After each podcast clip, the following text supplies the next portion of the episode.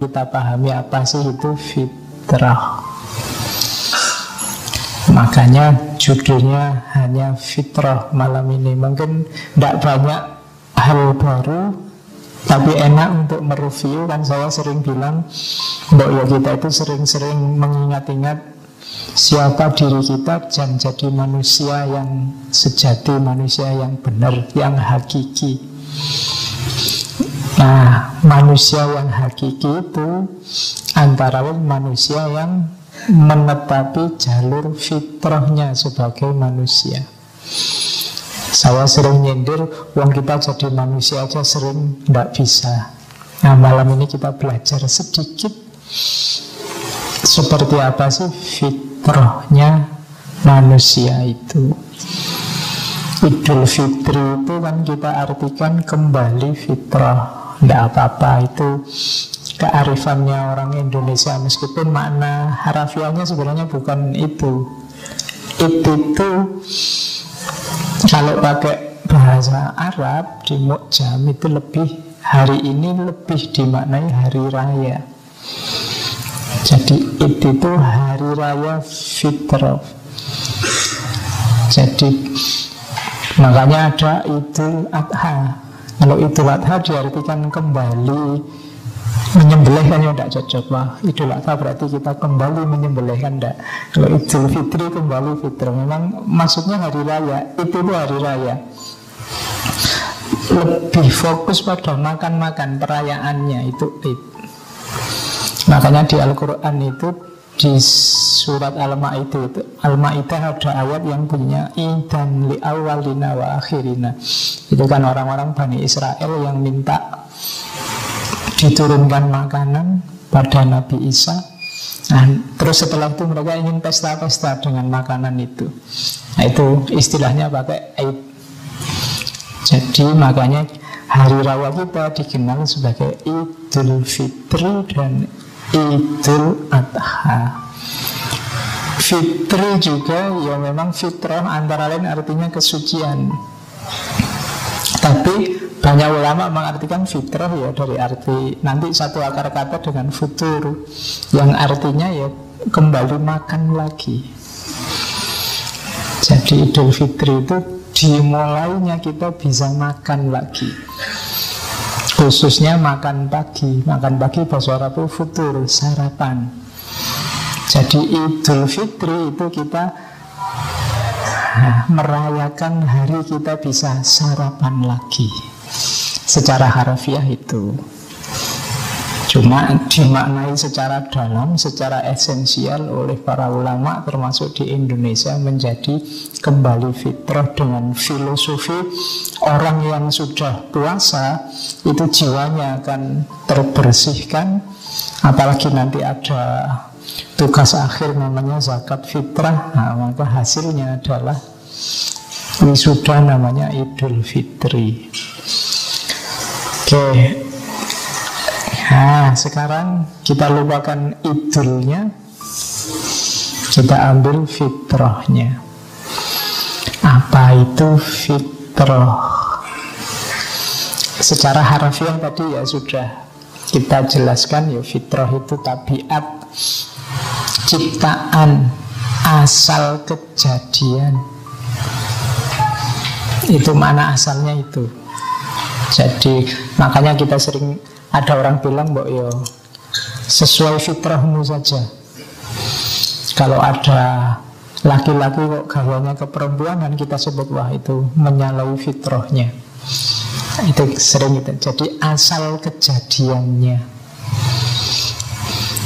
Kadang juga diartikan suci, kosong, Kayak hadis itu kan kullu mauludin yuladu alal fitrah fa'abawahu yuhawidanihi au yunasironihi au yumajisanihi setiap anak itu terlahir dalam kondisi fitrah dalam kondisi suci maka ibunya orang tuanya kedua orang tuanya yang membuat dia jadi Yahudi apa Nasrani apa Majusi.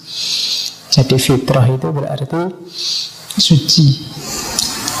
Tidak ada isinya apa-apa kosong Jadi kalau kamu pas tidak punya uang Dompetku sedang fitrah nah, Jadi suci tidak ada isinya apa-apa. Masih murni pak dompetnya. Nah itu suci namanya. Makna kedua dari kata-kata fitrah. Ada juga makna ketiga. Kadang diartikan agama atau jalan. Ini mirip agak dekat maknanya kalau kita pakai istilah khitoh. Jadi jalur yang benar itu ini. Nah makanya di Al-Quran ada ayat Fa'akim wajhaka lidini hanifa fitratallah Allati fatoron nasa alaiha maka luruskanlah wajahmu menghadap pada agama yang lurus yaitu fitrah Allah. Jadi agama itu fitrah dari Allah yang fatarona sa'aliha. Jadi jadi pedomannya manusia. Jadi agamanya manusia. Jadi secara letterlek itu maka Idul Fitri Mungkin pasnya adalah kita kembali pada jalur yang benar. Jadi kita kembali pada fitrah Allah setelah sebulan kita latihan, mungkin sebelum Ramadan kita banyak keluar jalur, Ramadan itu kita kembali ke jalur, kemudian diuji kemelekatan kita dengan dunia lewat zakat fitrah, Akhirnya kita Idul Fitri sah. Kembali pada fitrah.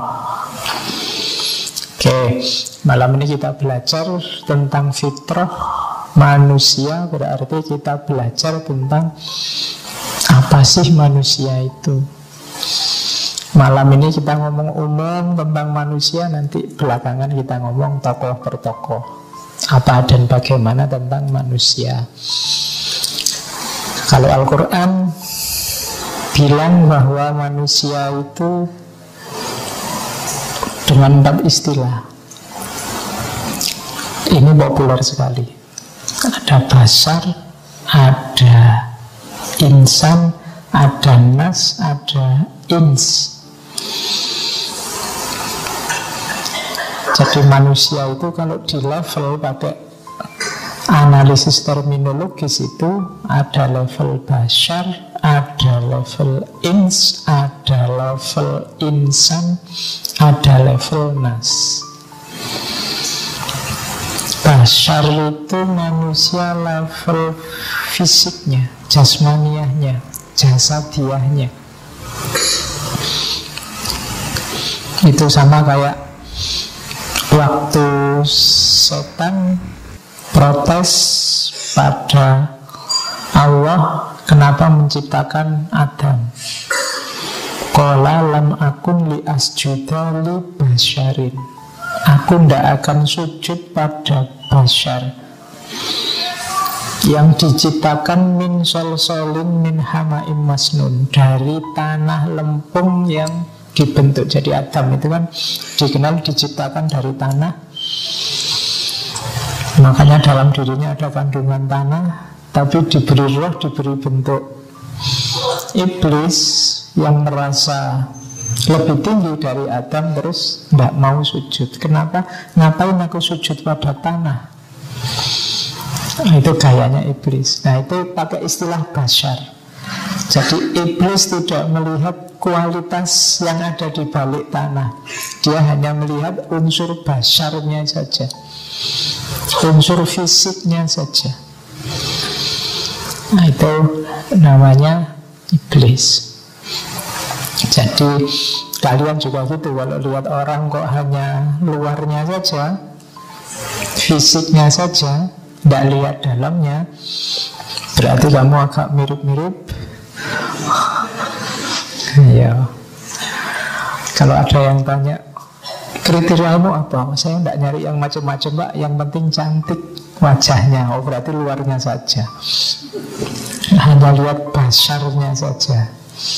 Masih belum. Kalau hanya lihat basarnya saja Belum ketemu hakikatnya manusia. Nah, boleh masuk sedikit level ins atau dari bahasa Arab uns. Itu artinya jinak. Jadi manusia itu bedanya dengan makhluk yang lain itu dia jinak ins. Jinak itu kalau manusia berarti beradab Bisa diatur, mau diatur Mau patuh pada aturan itu kan jinak. Kalau kalian punya binatang peliharaan yang jinak itu kan disuruh lari-lari, disuruh berdiri-berdiri, disuruh itu namanya jinak. Nah, di antara karakter fitrah yang ada pada manusia itu level insnya. Kalau dalam Al-Quran, ins ini sering diperlawankan dengan jin. Ya, jin makhluk gaib ya, bukan jin celana. Nanti kamu jin celana oh, Berarti manusia itu lawannya jin Jadi in, sering Misalnya wa ma khalaqtul jinna wal insa illa liya'budun dan tidaklah kuciptakan jin dan manusia kecuali untuk menyembahku. Jadi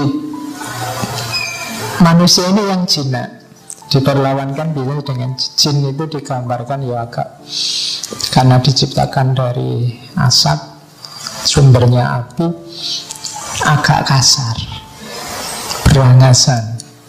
Nah kalau manusia itu levelnya jinak. Jadi itu manusia lebih dalam sedikit. Jadi di antara cirinya manusia dia itu jinak, beradab. Makanya magian yang menyakitkan itu kan kalau kamu disebut biadab. Ya, biadab bahasa Indonesia ya bukan bahasa Arab kalau bahasa Arab kan biadab dengan adab oh ini orangnya beradab berarti ini biadab bahasa Indonesia. Jadi orangnya ndak ins kehilangan kejinaannya. Oke. Jadi itu untuk, untuk makhluk ya. Jinak itu berarti bisa ditaklukkan. Kalau kalian ada kuda misalnya Ketika liar nggak bisa ditaklukkan kan dinaikin aja dia loncat-loncat. Nggak mau harus diikat dulu, ditarik dulu. Saya pernah dulu dikodain mahasiswa naik motor, bannya bocor, tak tuntun. Kok motornya dituntun pak? Belum jinak ya? Oke, okay. iya kurang ajar ya mahasiswa itu. Ada dosen yang dorong motor kok diketawain Dianggap belum Cina Mbak ya dibantu dorong Okay, itu ins namanya Cina. Jadi cirinya manusia itu Cina. Pakai istilah ins. Yang ketiga, kalau ini yang populer ya, insan. Kalau insan itu sudah merujuk aspek akal budinya. Jadi inilah aspek yang membuat manusia dapat taklif, dapat banyak fasilitas, tapi juga nanti ada hisab. Dia diangkat jadi khalifah itu karena insan, tidak sekedar basyar. Nah, ada lagi kalau dalam Al-Quran Ya yang insan kita sudah sering bahas Ngaji filsafat itu level membahas manusia dengan insaniahnya, akal budinya. Ada lagi nas. Kalau nas manusia secara kolektif umum biasanya merujuk jenis. Jadi merujuk misalnya ayuhan nas, wahai manusia, inna khalaqnakum min dzakarin wa unsa itu kan merujuk jenis manusianya secara umum. Itu biasanya pakai istilah nas. Ada unsur sosialnya manusia bareng-bareng dalam kelompok. Jadi kita itu ya basar, ya ins, ya insan, ya nas. Jadi kita sebagai khalifah itu mengelola empat ini. Basariah juga kita kelola karena itu amanah dari Allah. Jiwa kita Yang jinak tadi juga dikelola, akal budi kita dikelola, kehidupan kita dengan orang lain sesama manusia sebagai manusia juga dikelola. Jadi tugas kekhalifahan itu nggarap empat ini Basyariah, Ins, Insan, dan Nas. Itulah manusia, itulah kita. Oke, kalau dengan bahasa ringkas Kalau pakai ayat-ayat banyak. Jadi kita ringkas saja Manusia itu adalah Kalau pakai bahasanya Al-Quran Makhluk diciptakan mukarram dimuliakan. Kan ada ayatnya itu walakot karomna bani adam dan seterusnya. Mukallaf dia ada tugas yang harus dijalankan. Mukhoyar dia punya potensi punya daya untuk milih. Dan yang terakhir dia matsi Matsi itu Entah nanti pilihanmu benar apa salah Ada balasannya. Kalau benar ya balasannya enak Pahala. Kalau salah ya balasannya Tidak enak dosa dan siksa jadi kalau kalian ingin muhasabah, introspeksi, ingat-ingatlah bahwa engkau adalah makhluk. Berarti ada yang menciptakan keberadaanmu. Tidak karena dirimu sendiri tapi karena ada yang membuatmu ada. Itu namanya makhluk kemudian mukarrom mukarrom itu dimuliakan. Makanya kalau yang MC-MC pidato kan sering pakai istilah al-mukarrom tidak usah difasih-fasihkan jadi al-muharram. Ya Nanti kamu tadi MC Al-Muharram Ustadz Jadi ini diharamkan. Ya Mukarram Ya Dari kata-kata karum Mulia. Jadi manusia itu dimuliakan. Jadi makhluk yang paling dimuliakan Allah Di muka bumi ini manusia. Diciptakan dengan bentuk terbaik. Paling ganteng. Paling kan ahsan takwim jadi Allah itu menciptakan kita dengan bentuk paling baik. Di antara semua makhluk lainnya kita paling bagus, paling baik. Kalau tidak percaya kalian boleh ngaca. Ya, makhluk terbaik. Jadi kamu merasa sejelek apa pun Tidak usah khawatir, kamu paling ganteng, paling baik. Yang subjektif juga tidak apa-apa Yang penting kamu merasa Ini makhluk terbaik. Iyalah kamu jejer Terus kamu bawa kucing Ngocok bareng ngomong bawa itu kan. Kamu tetap merasa ganteng kamu lah. Jadi Allah memuliakan kita. Kita diberi semua fasilitas Yang membuat kita berharga.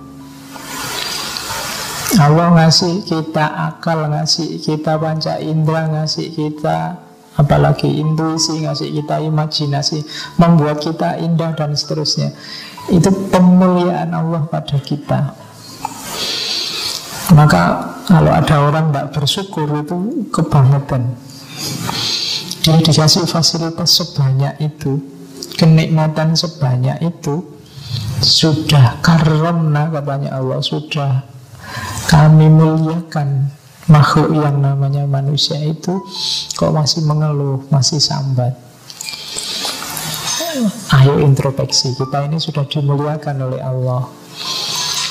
Kemudian jangan lupa implikasinya apa dimuliakan kita mukallaf. Kita ada tugas, makanya oleh Allah dikasih banyak fasilitas, tapi juga ada tugasnya. Ada kewajiban-kewajiban. Ada tanggung jawabnya Ya kita ngertinya umum. Secara umum tanggung jawab kita vertikal dan horizontal.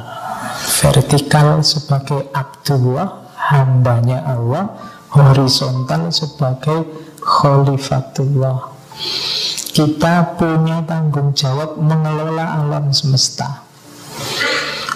Dan kita juga punya tanggung jawab beribadah mengabdi pada Allah. Itu menunjukkan kita adalah mukallaf. Kalau makhluk yang lain, hewan, tumbuhan, tidak ditugasi apa-apa. Tugasnya melayani manusia, mensukseskan misinya, membentuk. Makanya hewan, tumbuhan itu kan oleh Allah ditundukkan untuk kita. Kan ada istilah taskhir, sakhorolana.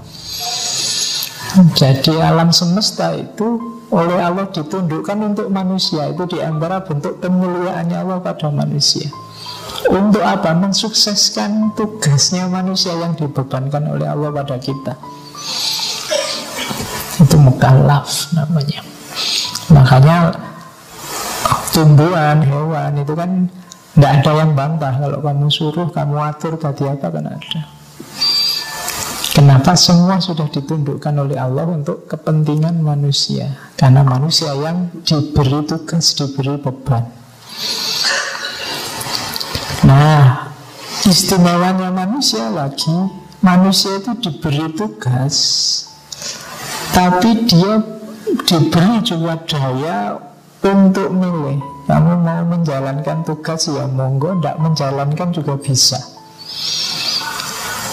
Itu namanya mukhayyar. Manusia itu boleh milih. Kalau yang bukan manusia tidak boleh. Tidak bisa. Hewan misalnya kucing misalnya Aku tidak mau ah makan kok ikan asin terus tidak enak Ingin makan apa lah Sekali-sekali mbak ya rawon apa apa gitu Tidak bisa, dia tidak bisa milih Dia juga tidak punya daya kreasi yang macam-macam dia hidupnya setia dengan naluri instingnya Ya itu terus Tapi kalau manusia tidak, dia bisa mukhoyar Milih yang baik bisa, milih yang jelek bisa Berkreasi versinya sendiri juga bisa, manut juga bisa. Itu keistimewaannya manusia. Sehingga manusia itu nanti apa yang dia rasakan, apa yang dia alami, apa yang dia kerjakan dalam hidupnya itu hasil pilihannya sendiri karena dia punya karakter mukhayyar.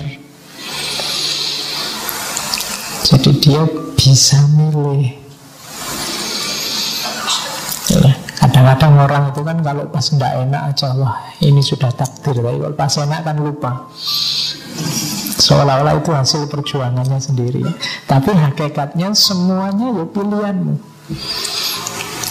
Barang siapa melakukan kebaikan Khairan yaroh Wa mayama miskolah waratun syarwa yaroh Dia akan melihat efeknya Sekecil apa pun kebaikan, rasakan akibatnya. Sekecil apa pun kejelekan, rasakan akibatnya. Karena kita makhluk mukhayyar, kita bisa milih. Faman sya'afal yu'min wa man sya'afal yakfur. Kalau kamu mau ya iman kalau kamu mau ya kafir. Dua-duanya kamu bisa. Jangan salah kalian bisa untuk jadi orang kafir. Bisa juga untuk jadi seorang mukmin. Dua-duanya punya daya. Kamu jujur bisa, maling juga bisa. Ya kan? Kamu bohong juga bisa, curang juga bisa. Manusia punya daya untuk semuanya. Tinggal kamu milih yang mana. Jadi pahlawan bisa, jadi penjahat juga bisa.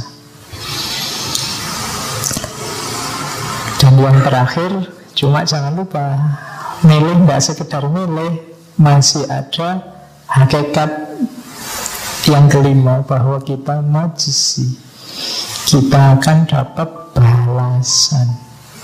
Yang tadi fama ya'mal miskola dharratin khaira yara wa miskola dharratin syarra yara. Ada balasannya. Kalau kamu jujur ada efeknya. Nanti rasakan sendiri. Kalau kamu curang bohong ada efeknya rasakan sendiri Makanya kalian yang sejak kemarin ribut curang Lu tenang aja kalau memang benar curang Ada efeknya khairoyaro Dan syarroyaro Ngapain kita yang galau Kan gitu menasehatinya Oke okay. Ya Kenapa? Karena setiap perbuatan ada balasannya Kok kita yang jungkir balik Muter nganan, muter ngiri Gara-gara lihat orang curang Lu ngapain? Kalau dia curang ada balasannya Oke, okay, jadi lu itu ya kan kalau bahasanya orang Buddha itu kan ada karmanya sendiri. Tidak usah capek dengan kalau ada orang lain curang Lebih sibuklah kamu Jangan-jangan aku yang jelek Jangan-jangan aku yang curang. Kenapa? Karena kamu punya daya milih tadi loh Jangan-jangan pilihanmu keliru. Jadi manusia itu mukhayyar. Punya daya milih Tapi juga nanti ada balasannya. Mau milih 01 atau 02 ya silahkan. Kenapa? Karena kita mukhayyar. Bisa milih. Oke, cuma ada ngaji, ada balasannya. Kalian ikut ngaji nanti ada efeknya, tidak ikut ngaji juga ada efeknya. Dipikir sendiri. Minum teh ada efeknya sendiri, efek dari minum teh, minum kopi juga ada efeknya sendiri, efek dari minum kopi. Yang nggak dapat minum juga ada efeknya haus. Ya, efeknya jelas haus. Jadi ini hakikat manusia. Kalau ada yang tanya apa sih hakikatnya manusia itu? Manusia itu yang jelas makhluk. Dia tidak ada sendiri. Tidak boleh gaya, tidak boleh sombong. Wong kita ini cuma diadakan. Kemudian dimuliakan Maka jangan melakukan apa pun yang menjatuhkan kualitas kemanusiaanmu Karena kita itu mulia Jangan sampai kita jatuh asfala safilin Karena kita ini mulia Sama Allah diposisikan mulia. Begitu kita salah pilih Nanti jangan-jangan kita malah mendegradasi kemuliaan kita Sebagai manusia. Oke. Jadi ini hakikatnya manusia. Kemudian dia mukallaf, mukhayyar, dan matsi Jadi harus diingat-ingat bahwa kita punya tugas Kita ini makhluk yang mulia Kita ini harus menentukan pilihan. Dan jangan lupa apa pun pilihan nanti akan ada balasannya. Itulah manusia. Nah, kalau dalam filsafat Islam ini kemarin di sesi-sesi awal ngaji filsafat tahun-tahun 2003 itu kan banyak tokoh-tokoh filsafat Islam kita angkat. Secara umum manusia itu dilihat di tiga itu Manusia adalah tujuan akhir penciptaan Manusia adalah mikrokosmos Dan manusia adalah cermin Tuhan. Yang terakhir ini banyak dari tradisi tasawuf. Dua yang atas ini para filosof peripatetik. Kita belajar satu-satu ya. Jadi manusia adalah tujuan akhir penciptaan. Jadi Allah menciptakan bumi ini siap untuk dihuni, siap untuk ditempati manusia, baru manusia didatangkan ke bumi. Berarti apa? Manusia itu target akhirnya. Jadi Allah menciptakan bumi dengan segala isinya, alam semesta segala isinya ini yang layak, yang pas untuk hidupnya manusia. Makanya disebut tujuan akhir penciptaan. Kita ini master masterpiece-nya Allah Ciptaan terbaiknya Allah. Kan dibanggakan di depan malaikat. Allah menciptakan segalanya Tapi yang dipamerkan di depan malaikat kan manusia. Pamernya juga luar biasa. Ini jailun fil arti khalifah Berarti artnya sudah ada Buminya sudah ada. Sekarang kuciptakan makhluk masterpiece ku namanya manusia Ku jadikan khalifah di muka bumi jadi dipamerkan Meskipun malaikatnya agak pesimis. Ya Ataj'alu fiha ma yufsidu fiha wa yasfiku Ya Allah Kok menciptakan yang model manusia ini? Padahal model kayak manusia ini ya Sukanya ngerusak-ngerusak gegeran bunuh-bunuhan. Apa tidak cukup ada kita misalnya Yang malaikat itu kan selalu patuh. Tapi Allah bilang Aku tahu yang kalian tidak tahu Jadi Allah itu sangat sayang pada kita Makanya Adam itu, Nabi Adam itu waktu di surga, waktu sebelum diuji kan, diuji jajar malaikat itu kan. Malaikat ditanya, wah tidak bisa jawab katanya malaikat ya. Yang aku tahu hanya yang engkau kasih tahu ya Allah. Tapi sebelum tanya ke Nabi Adam, Nabi Adam diajari dulu oleh Allah. Wa allama adamal asma'akulaha. Jadi diuji dari malaikat Tapi yang malaikatnya nggak dikasih tahu Yang Nabi Adam yang diajari jawabannya Wa alama adamal asma'akullah Itu menunjukkan Allah memang sayang sama kita Sudah cinta sama kita sejak awal Kalian aja yang jual mahal.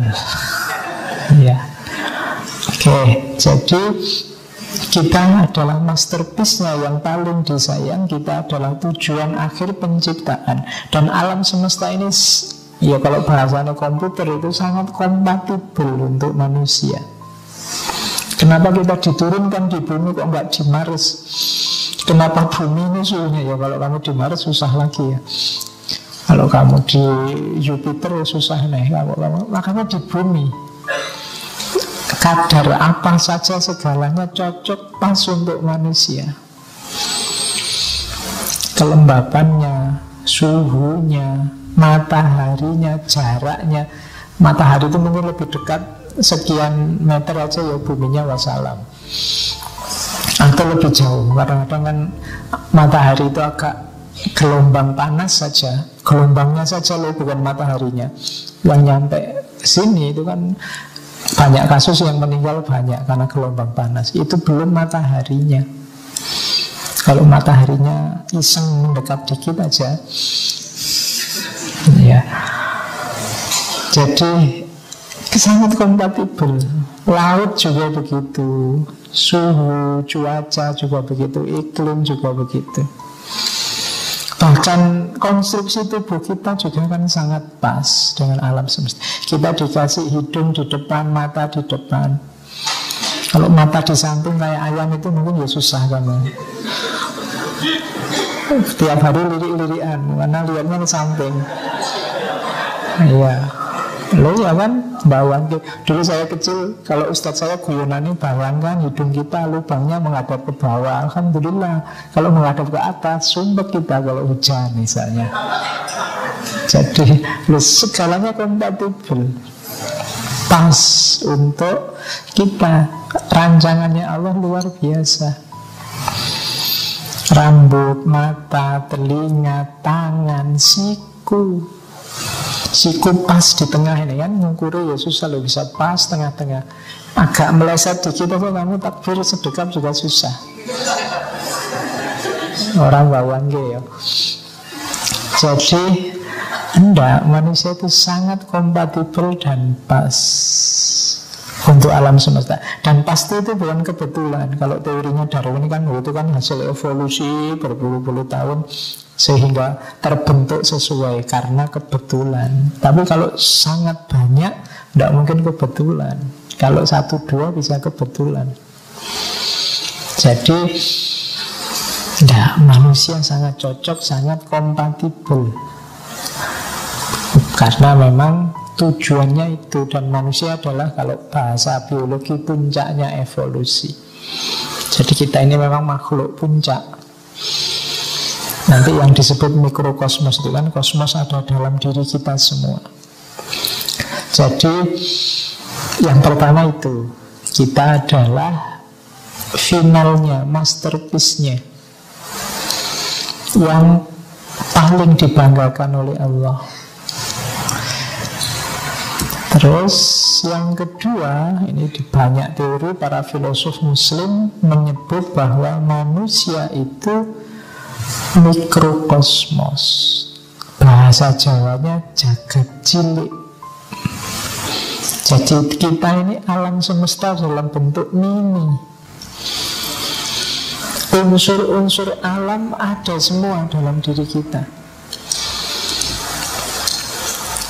Ada api, ada tanah, ada air, ada udara. Semuanya ada dalam diri kita. Itu yang bagian itunya. Unsur tumbuhan juga ada, unsur hewannya juga ada, unsur bahkan nanti ada unsur malaikatnya segala ada unsur ilahiyahnya. Tapi dari sisi kosmos kita punya semua. Dalam diri kita ada mineral, ada tumbuhan, ada hewan. Hewannya jelas, tumbuhannya juga jelas. Kita kecil, besar, sampai itu kan unsur tumbuhan. Kita bisa tumbuh. Ada hewan. Kalau hewan itu ada mobilitasnya, agresivitasnya, ambisinya. Itu kan hewani. Nafsu itu kan hewani. Jadi kita lengkap Makanya kita disebut mikrokosmos. Jagat besar yang namanya makrokosmos itu terkandung dalam diri kita. Apa saja ada. Oke. Nah, yuk para filosof muslim pakai teori misalnya yang mineral, unsur fisik kita ini kan unsur mineral semua. Yang nabati, makan, tumbuh, berkembang biak itu nabati. Jadi kalau kita dalam hidup kok fokus makan, tumbuh, dan kawin, berkembang biak, kita levelnya level tumbuh-tumbuhan. Ya. Kalau hewan itu level insting, gerak, ambisi. Kalau kita agresif nyerang orang lain, nah itu levelnya level hewani. Jadi nanti kalau di Imam Ghazali kan malah hewan itu dibagi dua Ada hewan ternak sama hewan buas Sabu iya sama bahimia Bahimia yang binatang ternak Sabu iya yang binatang buas. Ini nafsu hewani. Yang binatang ternak itu ya fokusnya tadi Makan, minum, berkembang biak. Kayak sapi, kambing itu kan itu. Dia tidak punya ambisi, tidak punya cita-cita. Hidupnya harus pokoknya gitu aja. Manut saja diseret ke utara ke utara, dibawa ke selatan ke selatan. Nah, itu level bahimia. Nah, kebalikannya yang sabuia, sabuia ini agresifnya luar biasa, ambisius, nabrak kiri, nabrak kanan, keinginannya harus terpenuhi meskipun dengan jalan keras. Nah, itu sabuia. Dalam diri kita ada itu juga. Nah, makanya kalian tinggal teropong hidupmu. Kira-kira yang gayaku ini gaya apa ya? Gaya tumbuhan, gaya bahimia atau gaya sabu ya ya gaya tumbuhan itu bendina yang mangan nonton TV main HP terus eh ternyata tambah tinggi gitu terus nah itu berarti levelnya level tumbuhan Oke. Terus Nah, kalau yang manusia apa? Manusia cirinya adalah natik sama akil. Natik itu berbahasa, berbicara. Akil itu ya kekuatan berpikirnya, daya akalnya. Jadi itu yang membedakan manusia dengan yang bukan manusia. Ciri khasnya manusia itu natik-natik itu berbicara, berkomunikasi dengan dasar akal menggunakan bahasa. Bahwa akal itu nanti ada tiga di para filosof muslim Ada akal teoritis, ada akal kognitif, ada akal praktis, macam-macam Bisa kembali lagi ke kajian-kajian filosof muslim sebelumnya. Nah, ada juga yang menyatakan ini biasanya para tokoh tasawuf falsafi manusia itu hakikatnya adalah cerminan Tuhan di bumi. Jadi cermin itu ya bayangan. Jadi kita ini dalam diri kita ada pantulan ketuhanan. Jadi cara berpikirnya begini. Segala hal di alam semesta ini memantulkan unsur ketuhanan. Apakah itu jalaliyah atau jamaliyah? Jalaliyah itu keagungan, kebesaran, kedahsyatan. Kalau jamaliyah itu keindahan.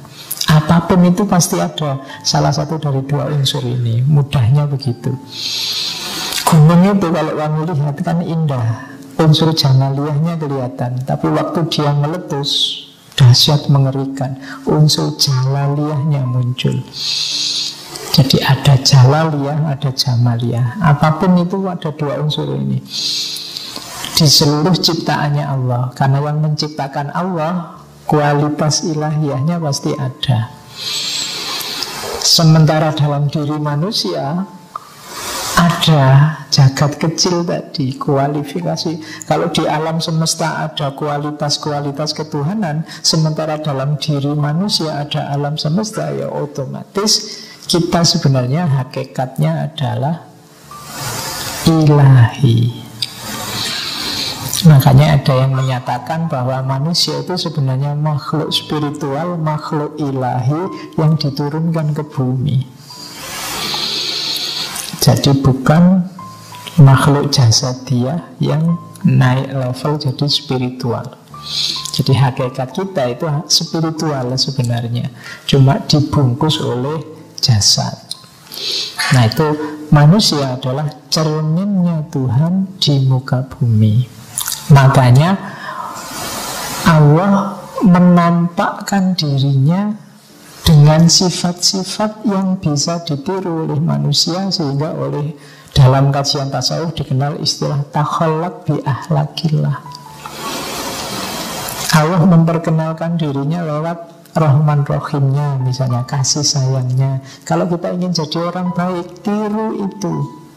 Allah menampakkan keadilannya. Kalau kita ingin jadi manusia yang kamil Kalau pakai istilahnya Iqbal Tiru itu. Allah menampakkan apalagi banyak sekali sifat-sifatnya. Nah dalam tasawuf diperkenalkan Takholak bi ahlakillah Dengan ahlaknya Allah tapi kan Allah tidak terbatas Kita terbatas. Ya kita jalankan dalam batas kita. Ya tidak mungkin kita seperti Allah menyayangi alam semesta Tidak mungkin tidak akan sedahsyat itu Karena memang kita limited, terbatas. Ya kita jalankan kasih sayang itu dalam batas kita Tapi jenis khalaqnya, jenis akhlaknya itu Akhlak yang dimiliki Allah. Nah itu makanya dalam tasawuf ada istilah takholak di ahlakillah Dalam rangka apa? Menampilkan jati diri kita sebagai cerminan Tuhan di bumi. Kita itu kan wakilnya Allah Khalifahnya Allah di muka bumi. Khalifatullah fil ard. Berarti apa? Kita memposisikan diri sebagai cerminnya Allah di muka bumi Wong kita wakilnya Wakil itu kan menjalankan posisi yang diwakili. Nah, jadi makanya kita dikenal sebagai Khalifatullah fil. Jangan merasa yang jadi khalifah itu sudah tidak bisa naik level lagi. Kalau level lagi jadi Tuhan. Tidak boleh merasa jadi Tuhan. Karena kita levelnya hanya wakilnya. Oke. Okay.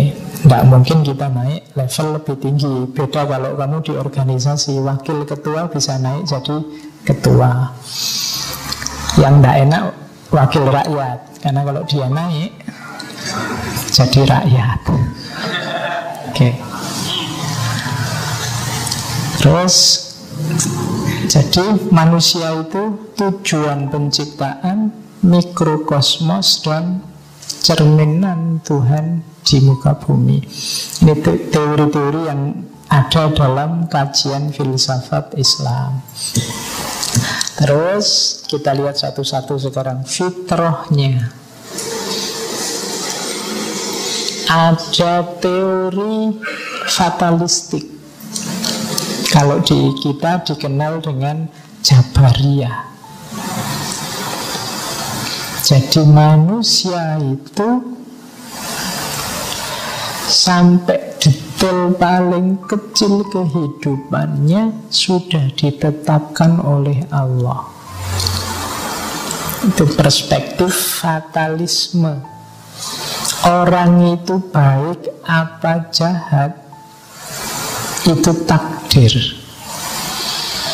Kamu termasuk ashabul yamin apa ashabus simal itu sudah ada labelnya. Ini pandangan Jabariyah. Yang ditakdirkan masuk neraka pada akhirnya tetap akan masuk neraka. Yang ditakdirkan masuk surga pada akhirnya tetap akan masuk surga. Meskipun kamu mati-matian untuk misalnya saya ini jahat, harus jadi orang baik. Usahamu akan gagal. Kenapa? Kamu sudah dilabeli oleh Allah untuk jadi orang jahat. Itu Jabariyah. Jadi kita ini hanya kayak wayang. Jadi wayang itu kan tergantung dalangnya. Jadi kalau dalangnya mau ya mungkin misalnya harusnya ceritanya yang kalah itu Kurawa yang menang Pandawa diwalik lah yang aku dalangnya Kurawa menang lah ini ceritanya itu kuaco Lu dalang puasa begitu. Allah punya prerogatif 100% pada manusia. Ini cara pandang Jabariyah. Fatalistik Jadi fitrahnya manusia apa? Tidak ada fitrah-fitrahan. Semuanya ditentukan oleh Allah. Kalian malam ini hadir di sini Itu ya sudah ada nasnya. Sudah tertulis detail. Dapat minum apa enggak juga sudah ada. Ya, jadi Nah, perspektif Jabariyah. Ada yang punya pandangan semacam ini Oke. Sering saya ditanya yang gini ini Pak, hidup itu kan memang semuanya diatur oleh Allah. Tapi ada pandangan sebelah yang bilang manusia itu bebas Kebebasan manusia dan takdir. Itu kan sering sekali ditanyakan Itu sebenarnya perdebatan para ulama besar zaman dulu. Jabariyah, Qadariyah sampai hari ini. Jawabannya seperti apa? Bisa diulang rekaman-rekaman tentang Abu Hasan Ash'ari, kebebasan, ada saya sudah banyak sekali teori. Kalau saya ulang-ulang nanti yang mendengarkan bosan. Jadi tapi ada perspektif fitrah semacam ini. Jadi fitrah itu tidak ada yang ada ya semuanya sudah ditentukan oleh Allah. Terus ada perspektif behaviorisme. Jadi behaviorisme itu pandangan kayak tadi ya, kullu mauludin yulatu alal fitrah. Jadi manusia itu pada awalnya saat dia lahir itu kosong. Mungkin teman-teman yang belajar filsafat sering dengar filosof John Locke dengan tabula rasanya. Jadi manusia itu kosongan begitu lahir. Dia nanti jadi apa? Isinya apa? Nasibnya baik atau buruk? Ya tergantung dialektikanya dengan lingkungan sekelilingnya. Jadi mukmin atau kafir ya tergantung nanti perjuangan dan kisah hidupnya. Jadi ini namanya pandangan behaviorisme. Kamu jadi orang baik atau jadi orang buruk itu ya nanti tergantung sejarah hidupmu. Kamu dapat pengaruh apa? Dan bisa berubah-ubah tergantung inputnya. Mungkin dulu kamu anak soleh tapi sekarang sudah hanya tinggal setengah soleh. Terus nanti lama-lama jadi seperempat soleh bisa begitu. Tergantung dialektikamu dengan lingkungan sekelilingmu. Dulu temennya santri-santri, sekarang konconnya preman-preman. Mungkin besok kalian bisa berubah-ubah. Jadi dirimu itu kosong sebenarnya. Nanti terbentuk seperti apa Tergantung dialektikamu dengan lingkungan sekelilingmu. Yang sering dengerin ngaji filsafat Mungkin saya pikirannya udah Ke filsafat-safatan. Sidik-sidik ngomong filsafat. Ya kan? Merasa harus ngerti filsafat. Kalau ada orang ngomong filsafat Alah kecil. Ya ada begitu. Kenapa? Yang dibaca itu. Jadi tergantung Yang kamu masukkan apa dalam dirimu. Itulah nanti yang membentukmu jadi tidak ada pakem awalnya, tidak ada defaultnya. Bahasanya komputer. Pokoknya lahir itu kosong, tinggal digambari apa kejadiannya nanti di situ. Jadi itu kan di surat An-Nahl itu disebut wallahu ahrajakum min butuni ummahatikum La ta'lamuna syai'a Jadi Allah mengeluarkanmu dari perut ibumu itu tidak ngerti apa-apa. Ya, pasti aja kan kamu masih kosong. Semua pengetahuan kan kamu dapat setelah akalmu jalan dari lingkunganmu. Begitu kamu lahir, kamu sebenarnya bersih, fitri, tidak ada isinya apa-apa Wajah lakumus sam'a wal absara wal af'idah la'allakum taskurun lalu Allah menjadikan memberikan buatmu pendengaran, penglihatan dan hati nurani supaya engkau bersyukur. Jadi modal utamanya kalau menurut ayat ini kita ini kan kosong. Kalau ingin meningkat kualitasmu modalnya tiga. Telinga, mata, sama hati nurani. Mulut tidak termasuk. Mulut kan nanti yang kamu pakai menceramai orang-orang itu. Jadi kualitas dirimu nanti ditentukan apa yang kamu dengarkan Apa yang kamu lihat, kamu baca Dan apa yang kamu rasakan jadi di situlah nanti karaktermu terbentuk. Maka dengarkan yang baik-baik, baca lihat yang bermutu-bermutu, rasakan yang penting-penting, yang indah-indah, yang bagus-bagus. Maka hidupmu juga akan bagus, baik, indah, berkualitas. Jadi kuncinya kalau pakai surat An-Nahl itu tiga itu sam'a wal basor wal fuad. Pendengaran, penglihatan, dan hati. Jadi tiga alat ini harus lebih aktif dari yang lain. Ya, hari ini kan dalam hidup kita yang aktif kan banyak dua. Kalau tidak mulut ya jempol. Go HP-nan itu. Jadi kalau disuruh baca males. Begitu ada postingan panjang Kok panjang banget mesti Maling buat loncat-loncati Males bacanya. Mendengar juga tidak betah. Jadi Kuasai tiga alat ini Nanti hidupmu akan lebih berkualitas. Termasuk yang fuad. Pertajam hatimu Fuadmu Nuranimu. Karena hari ini banyak orang yang fuadnya padam. Jadi sehingga hidupnya gelap. Nah itu pelajaran dari aliran behaviorisme. Jadi kita itu bersih kosong tapi lingkungan yang mengisi kita. Terus ada pandangan dualisme. Hmm.